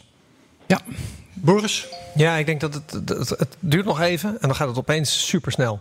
En ik denk het moment, uh, jij gaf toen straks een voorbeeld, uh, hoeveel doden in Nederland of, of, of ja, in, in de wereld? Ja, het zijn er 600 per jaar in Nederland. Per, okay, ja, dus er komt een moment dat opeens de verzekering ontdekt, ja maar wacht eens even. En dan komt er een soort omslag Punt. En dan is het waarschijnlijk heel snel gewoon verboden om zelf auto te rijden. Dat je denkt, en dat, dat je dan aan je kinderen moet uitleggen. Vroeger was levensgevaarlijk. Dat je gewoon overal mensen die met 120 km per uur zelf. Ja, en de laatste die het stuur loslaten, dat zijn onze collega's van de Autoshow. Denk ik. Precies. Oh, dit willen ze niet horen. We gaan stoppen. De honderdste technoloog loopt op zijn end. Ik wil iedereen hier heel erg bedanken dat jullie er waren. Even applaus voor jullie. Heel erg bedankt. Heel fijn.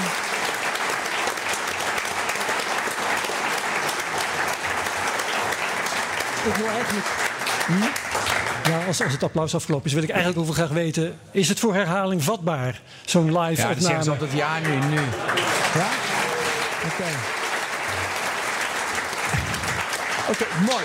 En natuurlijk onze gasten bedankt. Tijmen, hartstikke goed. Jasper bedankt. Boris bedankt. En Herbert ook bedankt voor de honderdste. En niet te vergeten, Ben van den Burg. Ja, volgende week zijn we de technoloog nummer 101 volgende week. Tot dan. Bedankt. Dankjewel. Dag.